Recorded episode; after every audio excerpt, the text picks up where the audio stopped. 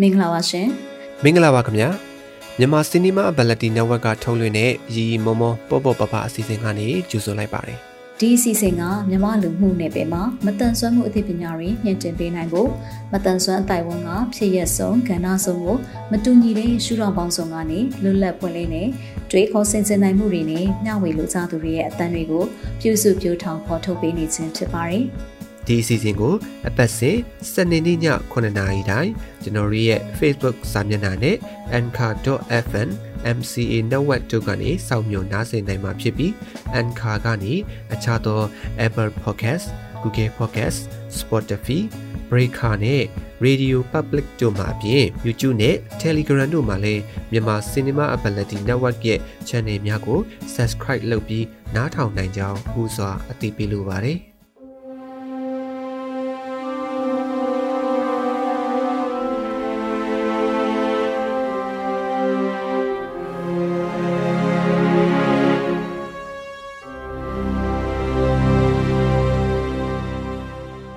အခုဒီရုပ်ရှင်ကားနဲ့ပတ်သက်ပြီးတော့ဇက်ကောင်ကိုယ်တိုင်ဖြစ်တဲ့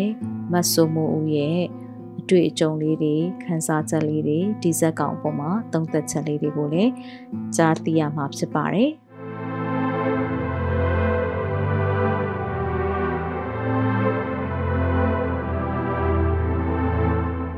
အားလုံးပဲမင်္ဂလာပါရှင်ကျမကတော့စိုးမိုးပါခရီးဆက်သူမှတ်တမ်းရုပ်ရှင်မှာဇက်ကောင်တူဖြစ်ပါတယ် အခုလက်ရှိမှာတော့ဒီမှတ်တမ်းရုပ်ရှင်တွေကဇက်ကောင်တအုပ်ဖြစ်တဲ့ကျမရဲ့ချစ်သူပေါ့နော်ချစ်သူနဲ့2015မှာအိမ်အောင်ကြပြီးတဲ့နောက်ပိုင်းမှာတော့ရန်ကုန်မှာပဲနေပါတယ်အခုလက်ရှိမှာတော့ Abilis Foundation မှာမြန်မာနိုင်ငံဆိုင်ရာညီနိုင်ရေးမှုအနေနဲ့တာဝန်ယူဆောင်ရွက်နေပါတယ် Abilis Foundation ကတော့ Finland နိုင်ငံခြေဆိုင်အဖွဲ့တစ်ဖွဲ့ဖြစ်ပြီးတော့မြန်မာနိုင်ငံမှာရှိတဲ့မတန်ဆွမ်းသူတွေရဲ့ဖွံ့ဖြိုးတိုးတက်ရေးတွေဆောင်ရွက်နိုင်ဖို့အတွက်မြန်မာနိုင်ငံကမတန်ဆွမ်းအဖွဲ့တွေကိုထောက်ပံ့ငွေပံ့ပိုးပေးနေတဲ့အဖွဲ့တစ်ခုဖြစ်ပါတယ်။ ကျမရဲ့အနာဂတ်ရည်မှန်းချက်ကတော့မြန်မာနိုင်ငံမှာရှိတဲ့မတန်ဆွမ်းအမျိုးသမီးတွေအတွက်မတန်ဆွမ်းအမျိုးသမီးများဖွံ့ဖြိုးရေးစင်တာကိုကိုယ်တိုင်ပုံဖော်ပြီးတော့မှထုစစ်ကောင်းထဲပေါ်ကြပါတယ်။မတန်ဆွမ်းညီကိုမောင်နှမတွေအနေနဲ့လည်းကိုရောက်နေတဲ့နေရာကနေကိုနဲ့ဘဝတူမတန်ဆွမ်းညီကိုမောင်နှမတွေရဲ့ဖွံ့ဖြိုးတိုးတက်ရေးအတွက်အားလုံးတူတူလက်တွဲစူးစမ်းဆောင်ရွက်ကြရအောင်ပါလို့တိုက်တွန်းလိုပါတယ်။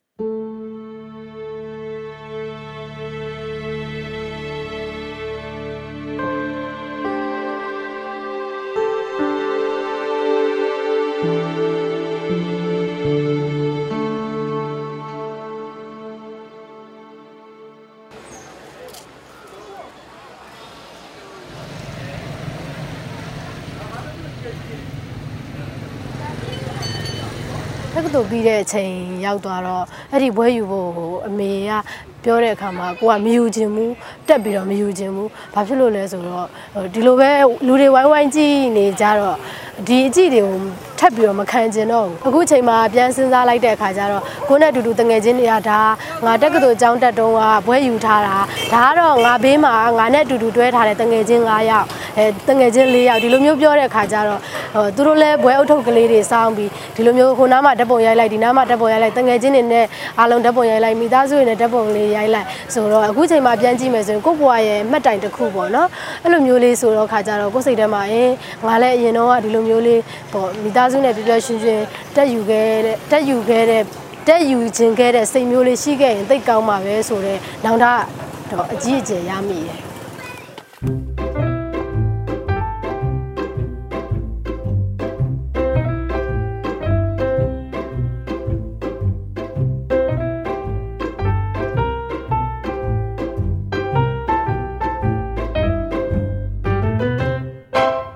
ထမအဦးဆုံးချိန်ပေါ့နော်ရုပ်ရှင်ပိတ်ကားပေါ်မှာကိုကိုကိုစပြီးတော့မှမြင်ရတဲ့ခံစားချက်ကကြတော့အာဘယ်လိုပြောရမလဲอืมဘယ်လိုမှပြောမပြတတ်တဲ့ခံစားချက်မျိုးပေါ့နော်ဟာစိတ်လှုပ်ရှားတာပျော်ရွှင်တာဝမ်းနည်းတာအာဝမ်းသာတာအစုံပေါ့နော်အာအထက်ကခံစားမိလိုက်တာကတော့တေချာတာတခုက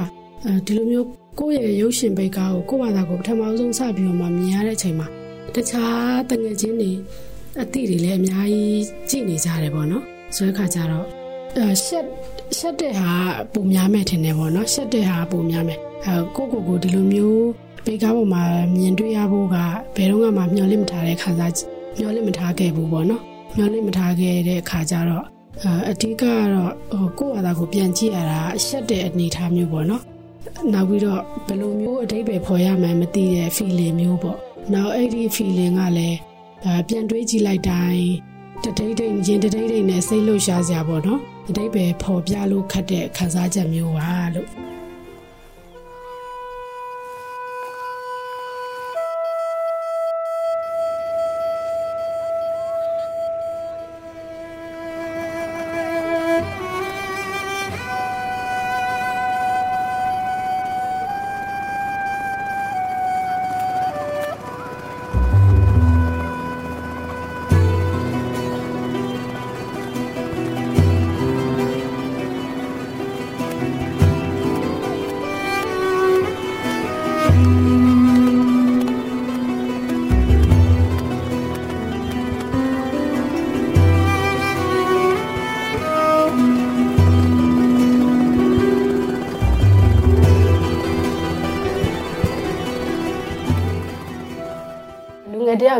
ရပြီဆိုရင်ပြီးသွားပြီဘာမှအလောက်ကန်ခွင်လာမရှိဘူးမရှိဘူးဆိုတာပြောရမယ်ဆိုရင်ပေါ့ဟိုကိုကိုတိုင်းရှာနိုင်မှပေါ့နော်ကိုကိုတိုင်းဟိုလက်လက်မိတဲ့လောက်စာဆောင်လေးဖတ်တယ်ကြည့်တယ်အဲ့ဒီလိုမျိုးလောက်ပဲပေါ့နော်အဲ့ဒီအချိန်တုန်းကဒီအင်တာနက်ဆိုတာလည်းသုံးလို့မရသေးဘူးပေါ့ရွာတွေမှာလေရွာတွေမှာသုံးလို့မရသေးဘူးမြို့မှာဆိုလည်းဆိုင်မှာသွားပြီးပတ်စံပေးသုံးရတယ်အဲ့လိုမျိုးဆိုတော့လေအဲ့ဒီအချိန်တုန်းကဆိုရင်ကိုနဲ့နီးနားမှာရှိတဲ့မြို့သေးသေးလေးမှာဆိုရင်အင်တာနက်ကိုဆိုတာဒါဘာမှမသိသေးတဲ့အချိန်ပေါ့နော် ကျောင်းဆရာမဖြစ်ခွင့်မရတဲ့မတန်ဆွမ်းသူတွေအတွက်ဆိုလို့ရှိရင်တော့အာတကယ်တမ်းပြောရရင်အဲ့ဒီအခြေအနေကပေါ့နော်အာမတန်ဆွမ်းမှုရှုထောင့်ကပဲကြည်ကြည်လူအခွင့်အရေးရှုထောင့်ကပဲကြည်ကြည်ဒါခွဲခြားဆက်ဆံခြင်းခံနေရတဲ့အနေအထားမျိုးပေါ့နော်အာကျမတို့မတန်ဆွမ်းတွေကမတန်ဆွမ်းသူတွေရဲ့အခွင့်အရေးအတွက်ဘလောက်ပဲစူးစမ်းပြီးမှပေါ့နော်စူးစမ်းပြီးမှ advocacy တွေလုပ်နေပေမဲ့လည်း ဘလောက်ပဲစူးစမ်းပြီးမှအသိပညာပေးအစီအစဉ်တွေလုပ်နေပေမဲ့လည်းပေါ့နော်အာမတန်ဆွမ်းတဲ့သူတွေရဲ့အာပါဝင်ခွင့်နေမတန်ဆွမ်းသူတွေရဲ့အခွင့်အရေးရရှိမှုတွေကအာတက်မလာသလိုမျိုးဖြစ်နေတယ်ပေါ့နော်အခုဆိုရင်လေကျမတို့အာဒီပြောရရင်အဲဒီလိုမျိုးအလုပ်ခေါ်စာတွေမှာចောင်းဆရာဆရာမဖြစ်ခွင့်ပေါ့နော်အလုပ်ခေါ်စာတွေမှာဆိုရင်မတန်ဆွမ်းသူတွေနဲ့ပတ်သက်ပြီးတော့မှကန့်သက်ခံနေရစေပဲပေါ့နော် အာကျမ်းမာတန်ဆွမ်းသူဖြစ်ရမည်ဆိုတဲ့ဟာကလည်းအခုချိန်ထိလည်းပါနေစေပဲပေါ့ဒါဆိုလို့ရှိရင်ကျမတို့မတန်ဆွမ်းတဲ့သူတွေအတွက်ဟာအဓိကအဲကြီးမားတဲ့ခွဲခြားဆက်ဆံမှုလည်းဖြစ်တယ်ပေါ့နော်ပြီးရင်ကျမတို့ရဲ့အလောက်ကိုင်ခွင်လန်းအတွက်လည်းဟာတားဆီးပိတ်ပင်ရလည်းရောက်ပါတယ်အဲတကယ်တော့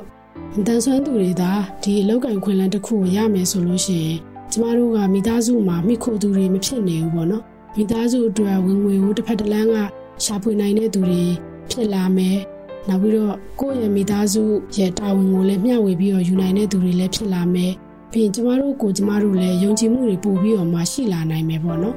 နောက်တစ်ခုကတော့နိုင်ငံတော်အတွက်စီးရဲမွေးတင်မှုရှော့ချရေးအစီအစဉ်တွေအတွက်ဆိုလို့ရှိရင်လည်းဒါတစ်ဖက်တစ်လမ်းကနေပြီးတော့မှအထောက်ပံ့ဖြစ်တယ်ပေါ့နော်ဆိုတော့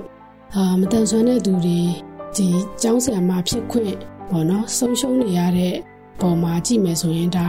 ကျမတို့မတန်ဆွမ်းတဲ့သူတွေအတွက်အရန်ကိုနစ်နာတဲ့အဲနစ်နာမှုပေါ့နော်အရန်ကိုနစ်နာတဲ့ဆုံးရှုံးမှုဖြစ်ပါတယ်အဲ့ဒီအခွင့်အရေးတွေပေါ့နော်အခုချိန်ထိလည်းမရနေသေးဘူးဖြစ်တယ်ဆိုတော့ကျမတို့မတန်ဆွမ်းတဲ့သူတွေအနေနဲ့လည်းအခုထက်ပိုပိုပြီးတော့မှဟာစူးစမ်းဖို့တွေလိုနေသလိုဒီပြည်သူလူထုအနေနဲ့လည်းပူးပေါင်းပါဝင်ဖို့ကအရေးကြီးပါတယ်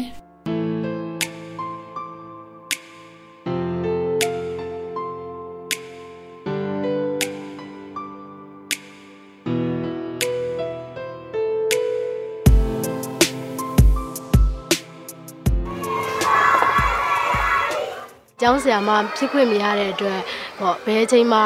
ခန်းစားအဆုံးလဲဆိုရင်တော့ရွာကိုပြန်လာတဲ့အချိန်ပဲအဲရွာကိုပြန်လာတဲ့အချိန်ဆိုလို့ရှိရင်အဲ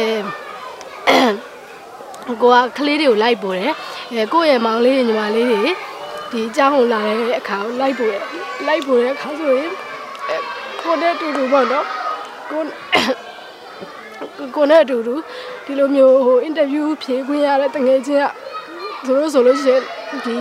ကျောင်းဆရာမပြစ်ခွင့်ရတယ်သူတို့သူတို့လည်းကိုယ်နဲ့အတူတူဟိုအိမ်မက်မက်ခဲ့ရပဲအဲ့လိုမျိုးသူတို့ဆိုရင်ဒီလိုမျိုးဖြစ်ခွင့်ရတယ်ကိုကကြတော့ ဒီလိုမျိုးသူတို့လိုမျိုးလေးကိုဖြစ်ချင်းခဲ့တာဖြစ်ခွင့်မရခဲ့ဘူးပေါ့အဲ့လိုမျိုးလေးတွေ့မြင်တော့စိတ်မကောင်းဖြစ်ဆုံးချိန်ပေါ့အဲအဲ့ဒါကြောင့်လဲအเจ้าတော့တိတ်ပြီးတော့မလာဖြစ်ပါဘူးဒါပေမဲ့လေတခါတရံကလေးတွေနဲ့ပေါ့ သူတို့တွေနဲ့ပြပြပပဒီဆ iam မဒီတငယ်ချင်းနဲ့လည်းတွေ့ရအောင်ဆိုပြီးတော့တခါတည်းရတော့ဟိုရွာကိုပြန်လာတဲ့ခါဆိုရင်တော့ကြောက်လာပြည့်အဲ့လိုမျိုးလောက်ဟုတ်ကဲ့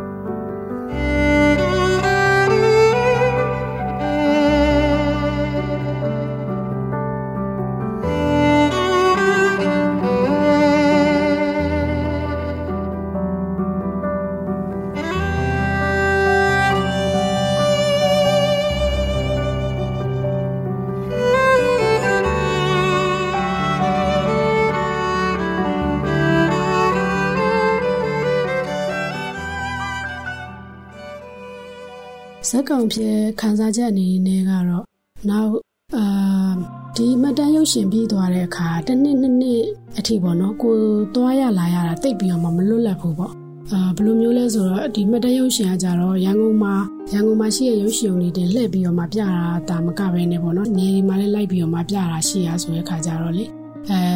ဒီ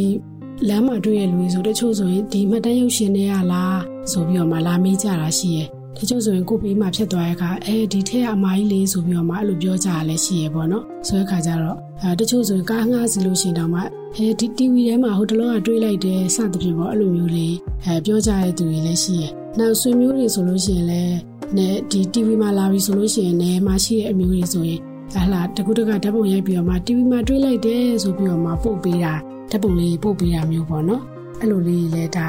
အမှတ်တရတွေကတခုပေါ့ ဒီအမှတ်တရတွေကတော့ပြန်ပြီးတော့မှတွေးလိုက်တိုင်းမှာအစ်စ်အစ်စ်အဲခံစားရတဲ့လွမ်းမိုးစရာအမှတ်တရတွေပေါ့နော်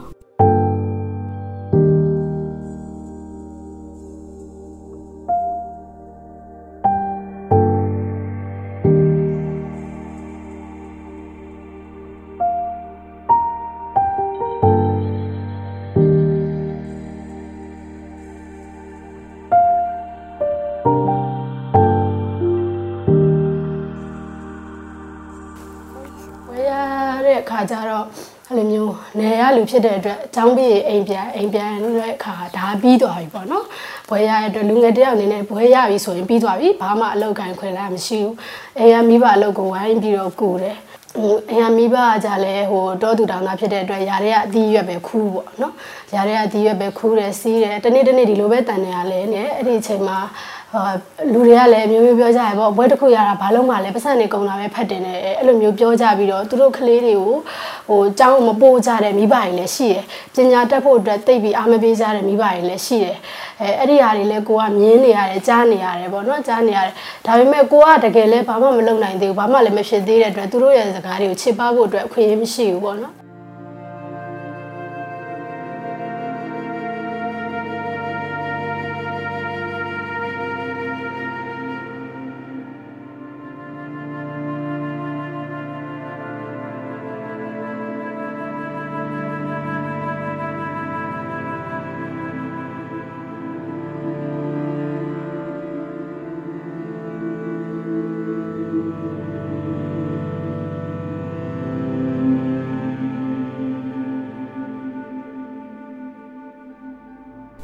ဆက်သူမှတ်တမ်းရုပ်ရှင်မှာပေါ့နော်ဇက်ကောင်ဖြစ်ခန်းစားချက်အမှတ်တရတွေကတော့အများကြီးပါပဲအဲဒီကိုသွားနေတဲ့တခြားမှာလိုက်ပြီးတော့မှရိုက်တဲ့အခါမျိုးတွေမှာဆိုလို့ရှိရင်လည်းအဲတချို့ရိုက်တဲ့ဟိုပါပေါ့နော် scenes တွေကဟိုအသုံးပြုလို့အဆင်ပြေတယ်ဒါပေမဲ့ဟိုလိုအပ်ချက်လေးနည်းနည်းရှိနေရပေါ့နော်အဲ့ဒါကိုနောက်ထပ်အဲအချိန်ကြာမှပြန်ရိုက်တဲ့အခါကျတော့ပထမ စပြီးတော့မှရိုက်တဲ့အချိန်တုန်းကဆောင်းရသည်နောက်တစ်ခေါက်ပြန်ရိုက်တဲ့အချိန်မှာကျຫນွေရသည်ပေါ့နော်အဲ့မှာဆိုလို့ရှိရင်အဝတ်စားဆိုလို့ရှိရင်ဆောင်းရသည်မလို့ကိုကဝတ်ခဲ့တာကနွေးနွေးထွေးထွေးနဲ့လက်ရှည်လေးဝတ်ခဲ့တယ်နောက်ပြီးတော့နွေရသည်မှာအဲ့ဒါကိုပဲပြန်ပြီးတော့မှဝတ်ပြီးတော့ပြန်ရိုက်ရတဲ့ဟာမျိုးတွေပေါ့နော်ဒါဆိုလဲဒါအမှတ်တရဒီတဲကတစ်ခုပေါ့နောက်တစ်ခုကတော့နေဘက်ကိုသွားရိုက်တဲ့အချိန်မှာဆိုလို့ရှိရင်လည်းဒီလိုပဲပေါ့နော်ကိုကကိုမှမိုက်တက်ထားတယ် အဲ့ဒီဟာကိုတတိလက်လွတ်ဖြစ်ပြီးတော့မှဟာကိုယ့်နဲ့အတူပါဝင်ပြီးတော့မှဒီမှာရိုက်ပေးတဲ့ဒါရိုက်တာတွေကင်မရာမန်တွေဟာပေါ့နော်အချိန်ကကြာလာတဲ့အခါကျတော့ကိုယ့်ကိုအားမလို့အားမရဖြစ်တာစိတ်တူတာပင်ပန်းတာအကုန်လုံးပေါင်းသွားတဲ့အခါကျတော့အာဒီမိုက်တက်ထားတာကိုမေ့ပြီးတော့မှဒါရိုက်တာကဘာဖြစ်တယ်ကင်မရာမန်ကဘာဖြစ်တယ်ရှောက်ပြီးတော့မှပြောတာပေါ့နော်နောက်ပြီးတော့မှတတိရတဲ့အခါကျတော့သူတို့ကိုကအရန်အားနာအားနာခဲ့ရတာပေါ့နော် အဲအဲ့လိုမျိုးချိန်တွေလည်းကြုံခဲ့ရတယ်နောက်ပြီးတော့ဟိုဒီလိုမျိုးစုပေါင်းပြီးတော့မှလွတ်တဲ့အနေအထားမျိုးကနေမှပေါ့နော်အာအလုံးပြီးသွားတဲ့အခါကျတော့အဲ့ဒီလိုမျိုးစီလုံးချင်းရဲ့အင်အားလို့ပြောရမှာပေါ့နော်တယောက်နဲ့တယောက်ညှိနှိုင်းခဲ့ရတာတွေရှိပေမဲ့နောက်ဆုံးမှာတော့အလုံးအဆင်ပြေပြေနဲ့ပြီးပြီးသွားတဲ့အောင်မြင်မှုပေါ့နော်အဲ့ဒီခံစားချက်ကတော့ဘာနဲ့မှမလဲနိုင်တဲ့ခံစားချက်ပေါ့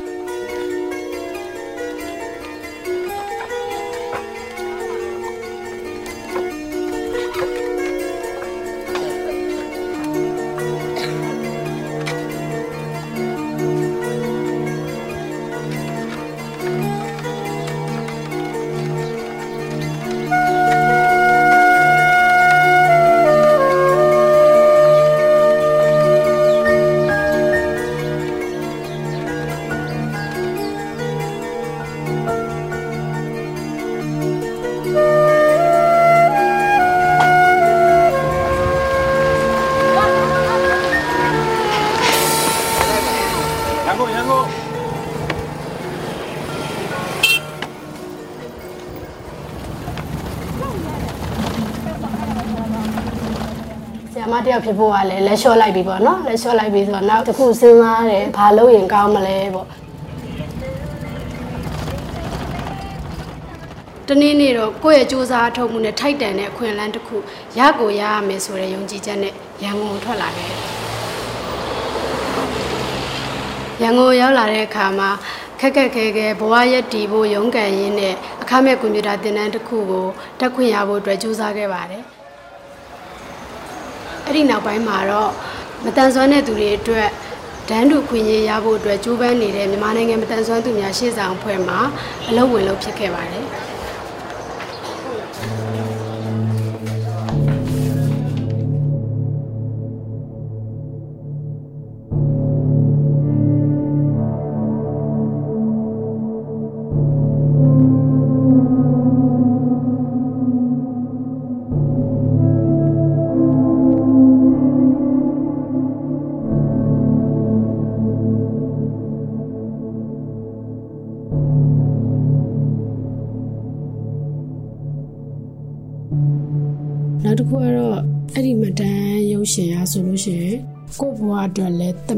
တမိုင်းမှတ်တိုင်တစ်ခုဖြစ်တယ်လို့ဒီမတန်ဆွမ်းသူတွေအတွက်ဆိုလို့ရှိရင်လည်းဒါအသုံးဝင်တဲ့အခုချိန်ထိပေါ့နော်အခုချိန်ထိအသုံးဝင်နေစေပဲဖြစ်တယ်ပေါ့နော်။ဘာကြောင့်လဲဆိုတော့ကျမတို့မတန်ဆွမ်းတဲ့သူတွေဒီလိုမျိုးအခွင့်အရေးတွေရဖို့အချိန်ကြာကြီးပေးပြီးတော့မှပေါ့နော်စူးစမ်းနေပေမဲ့လည်းအခုချိန်ထိမပြောင်းလဲသေးတဲ့အရာတွေကအများကြီးရှိနေသေးတယ်ပေါ့နော်။မပြောင်းလဲသေးတဲ့အရာတွေအများကြီးရှိနေသေးတယ်အဲဒီမူဝါဒတွေပြုပြင်ပြောင်းလဲဖို့လိုတဲ့အပိုင်းတွေအများကြီးရှိနေရပေါ့နော်။ ဟာနောက်အာဒီမတန်ဆွမ်းမှုနဲ့ပတ်သက်ပြီးတော့မှအသိပညာပေးအစီအစဉ်တွေဆိုရင်လည်းအရင်ကတည်းကလည်းလုပ်ခဲ့ပြီးမြဲအခုချိန်မှာလည်းလုပ်ဖို့လိုအပ်နေသေးတဲ့အခြေအနေတွေအများကြီးရှိနေတယ်ဆိုတာကိုဟာဒီအကြီးချင်းအဖြစ်ကျမတို့ပြန်ပြီးတော့မှသုံးသပ်လို့ရတယ်ပေါ့နော်။ဟိုးရင်တော့ကလည်းဒီလိုပဲစူးစမ်းခဲ့တယ်ဒါပေမဲ့မဖြစ်လာသေးဘူးပေါ့နော်။အခုချိန်ထိမဖြစ်လာသေးဘူး။ဘာကြောင့်လဲဘလို့ပြန်ပြီးတော့မှတိုးတက်ပြောင်းလဲအောင်လုပ်ရမလဲ။ မသက်ဆွမ်းမှုနဲ့ပတ်သက်ပြီးတော့ဘလို့တိုးတက်ပြောင်းလဲအောင်လုပ်ရမလဲဆိုတဲ့ဟာတွေကပြန်ပြီးတော့မှကျမတို့အာသုံးသပ်ဖို့အနေအထားတွေကိုလည်းကိုယ့်ဘာသာဖို့ပြန်ပြီးတော့မှတွေ့မြင်လာတယ်ပေါ့နော်။နောက်တစ်ခုကတော့မတန်ဆွမ်းသူတွေကိုယ်တိုင်မတန်ရုပ်ရှင်တွေမှာပေါ့နော်ကင်မရာမန်တော်၎င်းကိုယ်တိုင်အဲဒီဇက်ကောင်အနေနဲ့တော်၎င်းပေါ့နော်ပါဝင်ခြင်းအပြင်ကျမတို့ဟာမတန်ဆွမ်းတဲ့သူတွေကိုယ်တိုင် ဒီထွင်ဖန်တီးပြီးတော့မှပေါ့နော်တန်ဆွမ်းတဲ့သူတွေကိုယ်တိုင်ပါဝင်တရုပ်ဆောင်ပြီးတော့မှတန်ဆွမ်းမှုဆိုင်ရာအသိပညာပေးအစီအစဉ်တွေဆိုလို့ရှိရင်လည်းဒါအရန်ကောင်းတဲ့အစီအစဉ်တွေဖြစ်ပါတယ်အဲ့လိုမျိုးတွေလည်းလုပ်ဖို့အတွက်ပေါ့နော်ဟာအများကြီးလိုအပ်နေသေးတယ်အဲဒီလိုမျိုးအမှုပညာဟာအမှုပညာနဲ့ပတ်သက်ပြီးတော့လည်း disability inclusive art ပေါ့နော်မတန်ဆွမ်းသူများအကျုံးဝင်အမှုပညာလို့ပြောလို့ရတယ်လို့နောက်တစ်ဖက်ကကြည့်ရင်လည်းကျမတို့မတန်ဆွမ်းမှုဆိုင်ရာအသိပညာပေး အနေနဲ့ကကျမတို့မြန်မာနိုင်ငံမှာကအများကြီးလိုအပ်နေသေးရဲ့ပေါ့နော်ဆိုတော့အဲအဲ့ဒီဟာတွေအတွက်လည်းကျမတို့မတန်ဆွမ်းတဲ့သူတွေကိုယ်တိုင်ပါဝင်ပြီးတော့မှစူးစမ်းဖို့အများကြီးလိုအပ်နေပါသေးတယ်။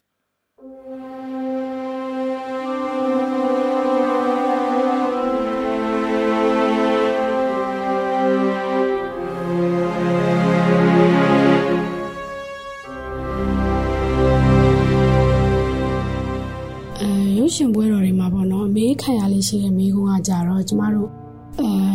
ဒီအကြောင်းဆရာမသွားပြီးတော့မှရှောက်တဲ့အချိန်မှာကိုယ့်ကိုအဲ့လိုမျိုးညင်းပယ်ခံရတယ်ပေါ့နော်ညင်းပယ်ခံရတယ်နောက်ပြီးတော့အင်တာဗျူးမှာဆိုလို့ရှိရင်လည်းကိုယ့်ရဲ့ဂုဏ်သိက္ခာကိုထိခိုက်စေတဲ့အပြုအမူတွေပြောဆိုတွေအများကြီးအဲကြုံရတယ်ပေါ့နော်အဲ့ဒါကိုဘာကြောင့်မတိုင်လဲဆိုပြီးတော့မှဒီတက်ကြွတဲ့လူငယ်တွေကနေပြီးတော့မှမေးလေးရှိရပေါ့နော်ခမကြခဏဆိုသလိုမေးကြတယ်ပေါ့အဲ့ဒီအားနဲ့ပတ်သက်ပြီးတော့မှဆိုလို့ရှိရင် ကျမရဲ့ဖြစ်ပျက်ခဲ့တဲ့အခြေအနေတုန်းကဆိုလို့ရှိရင်တော့ကျမတို့မြန်မာနိုင်ငံမှာကပြောရမယ်ဆိုရင်မတန်ဆွမ်းအဖွဲ့အစည်းတွေကအခုအခြေအနေလိုမျိုးအားကောင်းမနေသေးဘူးပေါ့နော်အားကောင်းမနေသေးဘူးဆိုတဲ့အခါကျတော့အဲကိုကိုတိုင်းကလည်းအဲ့အချိန်မှာမတန်ဆွမ်းမှုနဲ့ပတ်သက်ပြီးတော့မှဘ ഹു တုတပြောရမယ်ဆိုရင်လုံးဝကိုမရှိနေသေးဘူးဆိုတဲ့အခါကျတော့ကိုကိုကိုလည်းယုံကြည်မှုမရှိဘူးကိုယ့်ရဲ့မတန်ဆွမ်းမှုကပဲဒီအခြေအနေမှာဒီအဖြစ်အပျက်မှာကိုယ့်ရဲ့မတန်ဆွမ်းမှုကြောင့်ဒါဒါကကိုဖြစ်ချင်တာဖြစ်ခွင့်မရတာဆိုပြီးတော့မှကိုကိုကိုအမြဲတမ်း အပြစ်ဖို့တဲ့အခြေအနေတစ်ခုပေါ့နော်အဲ့လိုမျိုးအခြေအနေတစ်ခုလိုမျိုးကိုက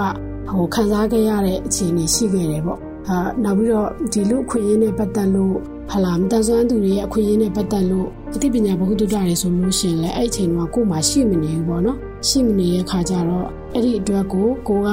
ပြန်ပြီးတော့မှဘာမှမတုံ့ပြန်နိုင်ခဲ့ဘူးပေါ့နော်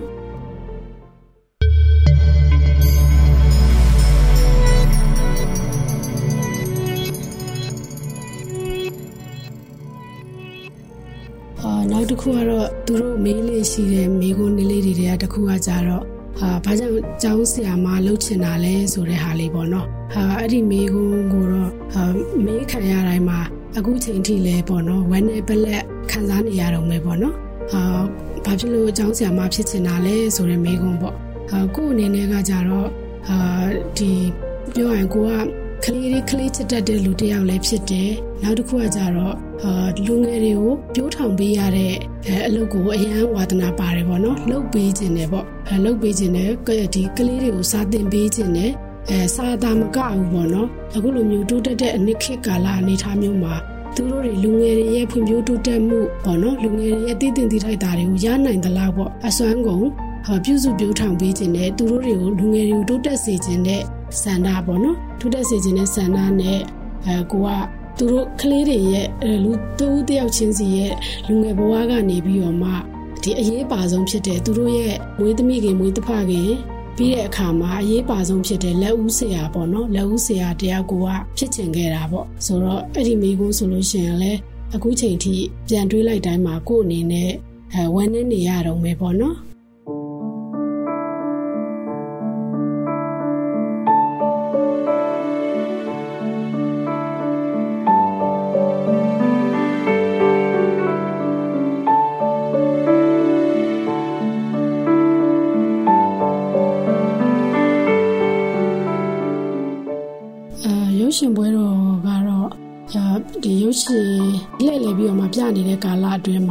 တော်တော်များများတော့တက်ခဲ့ဘူးတယ်ပေါ့နော်အာလေးနေရာ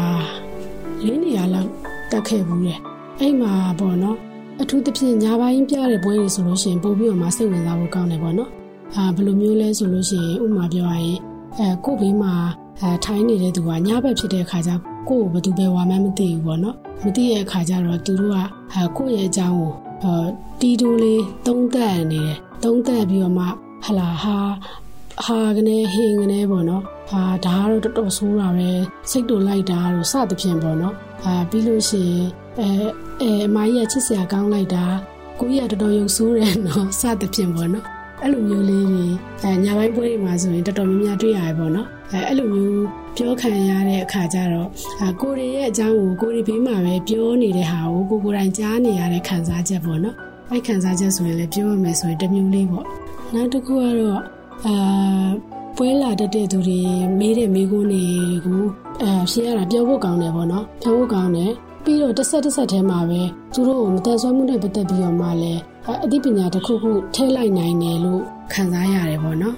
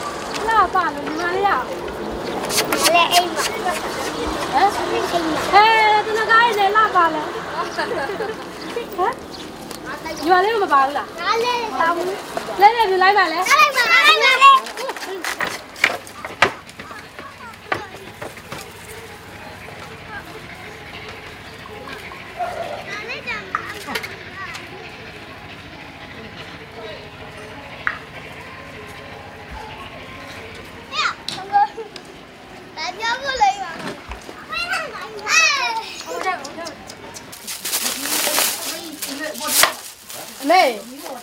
မေရေဒီပါဟိုဟာလေးငါ6တော့ဟိုဟာတော့လာယူပါလားလေဒီမှာသမီးရဲ့ကိုယ်ကလောရတယ်ပေါ့ဒီမဟုတ်ပေါ့ဒီငါ6ကလည်းနဲ့အနက်ဟိုဟာကြီးဟိုင်းဟိုင်းဟိုင်းဟိုင်းဟိုင်းဟိုဟိုဘူးရမလိုက်မနေကိုကိုမထားနေတော့ခောက်ကွေးကြော်ရှိတယ် 一些。မိတို့အဖေတို့အမိအဖအဖိုးဘွားတို့ကကြောရတယ်ကုသကစေနာပေါင်းတို့ကြောင့်ပဲ၄ပါးကသုံးပါးရပြည့်ရှိပါ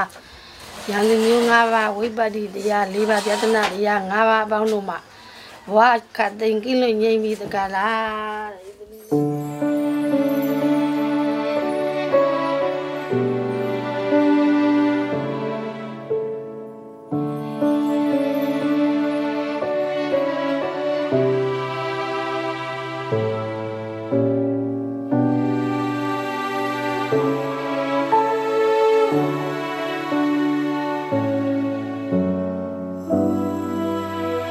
အမ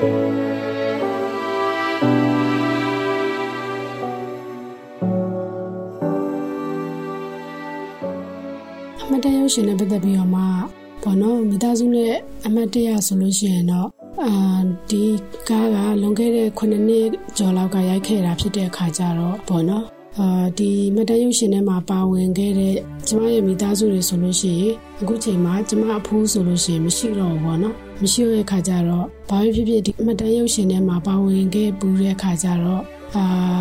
ကလေးတွေဆိုလို့ရှိရင်ဟလာဒါ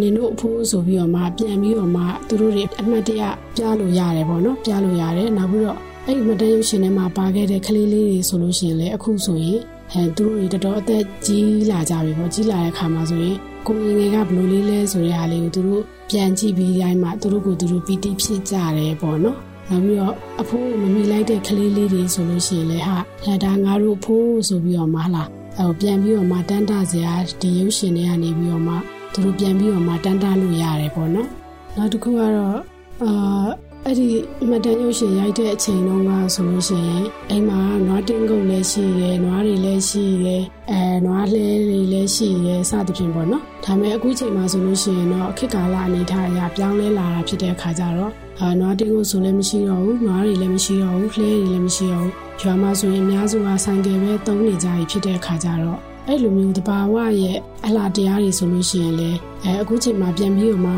မြင်ရတဲ့ အခုချိန်မှာပြန်ကြည့်လို့မရတဲ့ဟာတွေပေါ့နော်ဟိုးအရင်တုန်းကအလားတရားတွေကိုပြန်ပြီးတော့မှကလေးတွေကိုပြန်ပြီးတော့မှပြလို့ရတာလေးရှိတယ်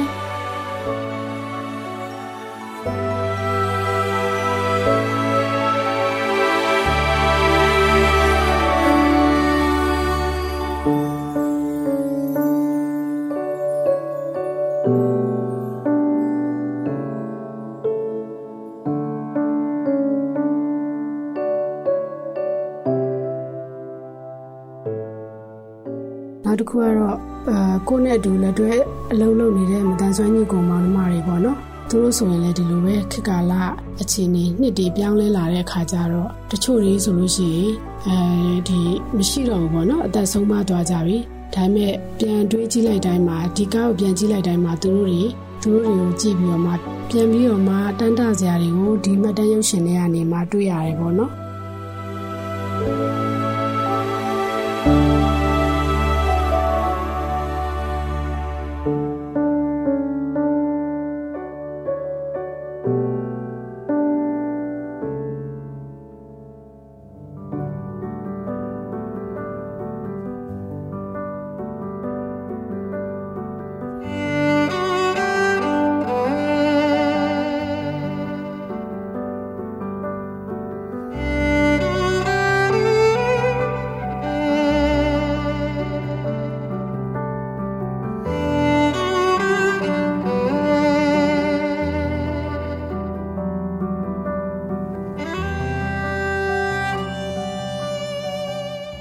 န်ဆွမ်းညီကိုမောင်နှမတွေအတွက်အမှတ်တရဆိုလို့ရှိရင်တော့အာဒီအနုပညာနဲ့ပတ်သက်ပြီးတော့မှမတန်ဆွမ်းညီကိုမောင်နှမတွေမှာကိုကျွမ်းကျင်ရကျွမ်းကျင်ရပေါ့နော်အာမိမိကျွမ်းကျင်တဲ့ခန္ဓာအလိုက်ဒီအများကြီးရှိနေကြတာတွေ့ရတယ်ပေါ့နော်တချို့ဆိုလို့ရှိရင်ဟလာ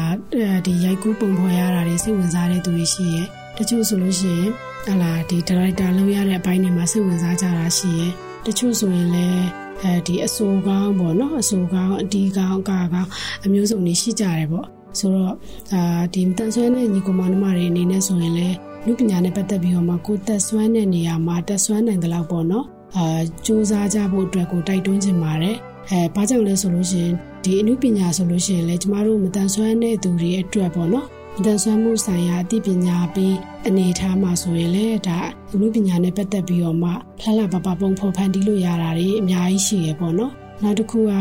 အာဒီအမှုပညာလမ်းကြောင်းပေါ်မှာရှိနေတဲ့သူတွေအနေနဲ့ဆိုရင်လည်းအသက်ဆွမ်းသူတွေအတွက်အသက်ဆွမ်းသူများအကျုံးဝင်အမှုပညာတွေဖန်တီးနိုင်ဖို့လည်းအခွင့်အလမ်းတွေအများကြီးစဉ်းစားမိစေနိုင်တယ်ပေါ့နော်ဆိုတဲ့အခါကျတော့အသက်ဆွမ်းညီကိုမောင်နှမတွေအနေနဲ့လည်းပေါ့အမှုပညာနဲ့ပတ်သက်ပြီးတော့မှအာဒီကိုကျွမ်းကျင်ရာခန္ဓာအလိုက်ပေါ့နော်ကိုကျွမ်းကျင်ရာကျွမ်းကျင်ရာအတက်နိုင်ဆုံးပေါ့နော်စူးစမ်းပြီးတော့မှကိုယ့်ရဲ့စူးစမ်းမှုအဲကိုယ့်ရဲ့အထောက်မှုတွေအတွက်ကို ပေါ့နော်ရနိုင်သလောက်များများ promote လုပ်ဖို့အတွက်တိုက်တွန်းအားပေးချင်ပါတယ်ရှင်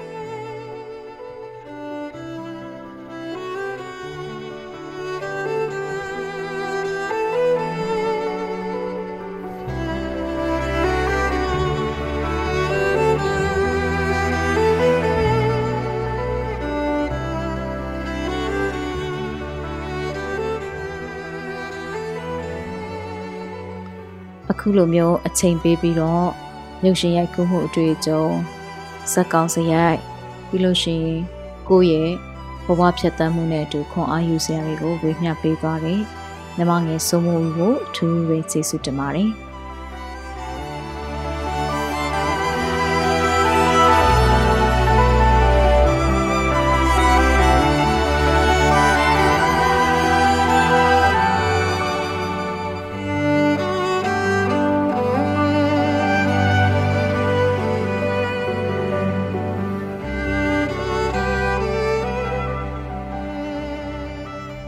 စီအစဉ်ကိုမိတ်ဆွေတို့အနေနဲ့အစအဆုံးနားထောင်ပြီးပြီဆိုရင်တော့မိမိတို့ရဲ့သဘောထားမှတ်ချက်များကို Anchor မှာအတန်နဲ့စာနှမျိုးလုံးနဲ့ဖြစ်စေ Facebook မှာစာနဲ့ဓာတ်ပုံနှမျိုးလုံးနဲ့ဖြစ်စေပေးနိုင်ပါပြီနော်ဒီအစီအစဉ်နဲ့ပတ်သက်ပြီးမိတ်ဆွေတို့ရဲ့မှတ်ချက်ပေးခြင်းအကြံဉာဏ်ပေးခြင်းမေးမြန်းခြင်းတို့ကိုလည်းအထူးပဲဖိတ်ခေါ်ပါတယ်မိမိတို့ရဲ့ပူပေါင်းတင်ဆက်မှုအတွက်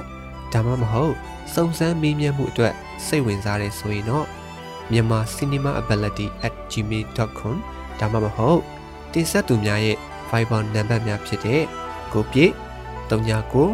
26 125 6493နဲ့မနွေ39 453939 6935တို့ကိုဆက်သွယ်ဆောင်ရွက်နိုင်ပါတယ်။ မိတ်ဆွေတို့အနေနဲ့ဒီစီစဉ်ကိုမတိသေးသူများတည်ဖို့လိုအပ်နေသူများမတန်ဆွမ်းရေးကိုမိမိတို့ရဲ့လုပ်ငန်းခွင်အသီးသီးမှာထည့်သွင်းဆောင်ရွက်ဖို့စိတ်ဝင်စားသူညီသူကိုမဆိုထပ်ဆင့်ဝေမျှပေးရင်သတင်းကောင်းပေးနိုင်ပါတယ်။မြန်မာပြည်သူပြည်သားများအားလုံးမတန်ဆွမ်းမှုအသိပညာတွေတိုးပွားကခွဲခြားဆက်ဆံမှုကင်းပြီးအားလုံးအကျုံးဝင်တဲ့လူမှုအတိုင်းအဝန်တစ်ခုကိုအမြန်ဆုံးဖော်ဆောင်နိုင်ပါစေလို့ဆန္ဒပြုရင်းဒီကနေ့အစီအစဉ်ကိုဒီမှာရင်ရန်နာပါရစေ။ တောတာရှင်အားလုံးနေ့ရက်အသက်တိုင်းမှာကောင်းစည်းမင်္ဂလာပေါင်းများစွာရယူပိုင်ဆိုင်နိုင်ပါစေလို့လည်းကျွန်မကဆုတောင်းမြတ်တာပို့တာအပ်ပါတယ်။နောက်ပတ်စနေနေ့ည9:00နာရီမှာပြန်ဆောင်ကြရအောင်နော်။